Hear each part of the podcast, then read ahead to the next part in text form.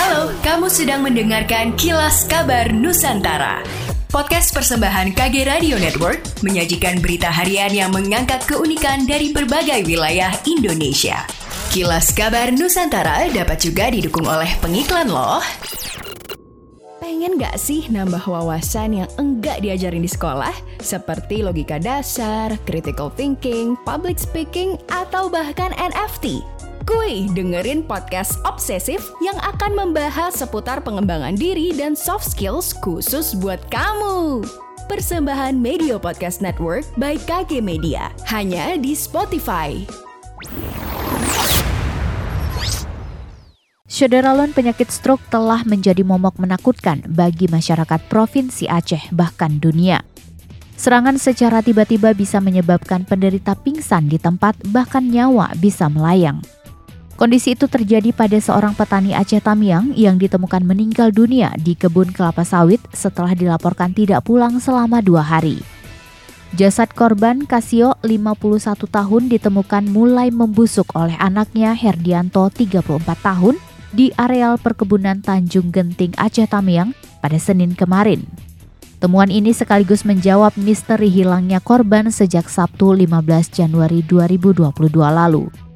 Kasubag Humas Polres Aceh Tamiang, Ibtu Untung Sumario menjelaskan, ketika itu korban pamit pergi ke kebun sembari membawa peralatan meracuni rumput.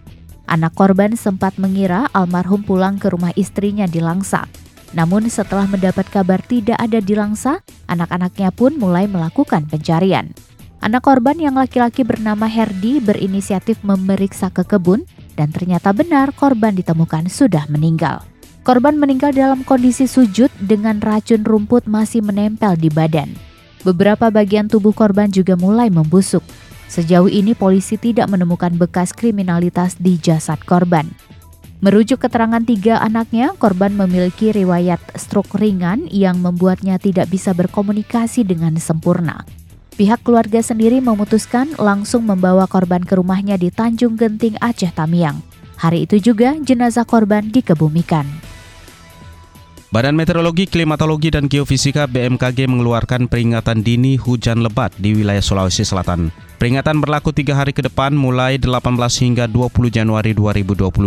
Menurut pengamatan BMKG berpotensi terjadi hujan dengan intensitas lebat hingga sangat lebat. Masyarakat diimbau mewaspadai dampak bencana hidrometeorologi. Dalam edaran peringatan dini yang diteken Kepala Bagian Tata Usaha BMKG Wilayah 4, Kamal menyampaikan dampak bencana hidrometeorologi antara lain banjir, tanah longsor, angin kencang, pohon tumbang, keterlambatan jadwal penerbangan, pelayaran, dan meluapnya area tambak budidaya. Sebelumnya, Kepala BMKG Wilayah 4 Makassar, Darmawan mengatakan pemantauan perkembangan kondisi dinamika atmosfer terkini menunjukkan adanya potensi peningkatan curah hujan di wilayah Sulawesi Selatan. Hasil analisis terpantau adanya pola pertemuan massa udara dan belokan angin sehingga dapat meningkatkan potensi pertumbuhan awan hujan. Sementara dari hasil analisis perkembangan musim hujan pada dasarian 1 Januari 2022 diketahui 75% zona musim di Sulsel sudah memasuki penghujan. Dinas Perindustrian Kalimantan Selatan menjadi penghubung antara dunia industri dengan SMK dan Politeknik untuk program Link and Match yang menjadi prioritas untuk pengembangan SDM lokal.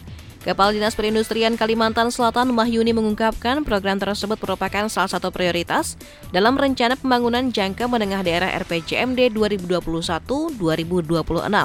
Mengingat selama ini sektor industri memerlukan banyak tenaga kerja yang kompeten, tetapi belum sepenuhnya menyerap tenaga kerja lokal. Dijelaskannya lewat program Link and Match diharapkan ada kesepahaman antara dua pihak tersebut sehingga penyerapan tenaga kerja yang dibutuhkan sektor industri dapat tercukupi oleh SDM lokal. Demikianlah kilas kabar Nusantara pagi ini.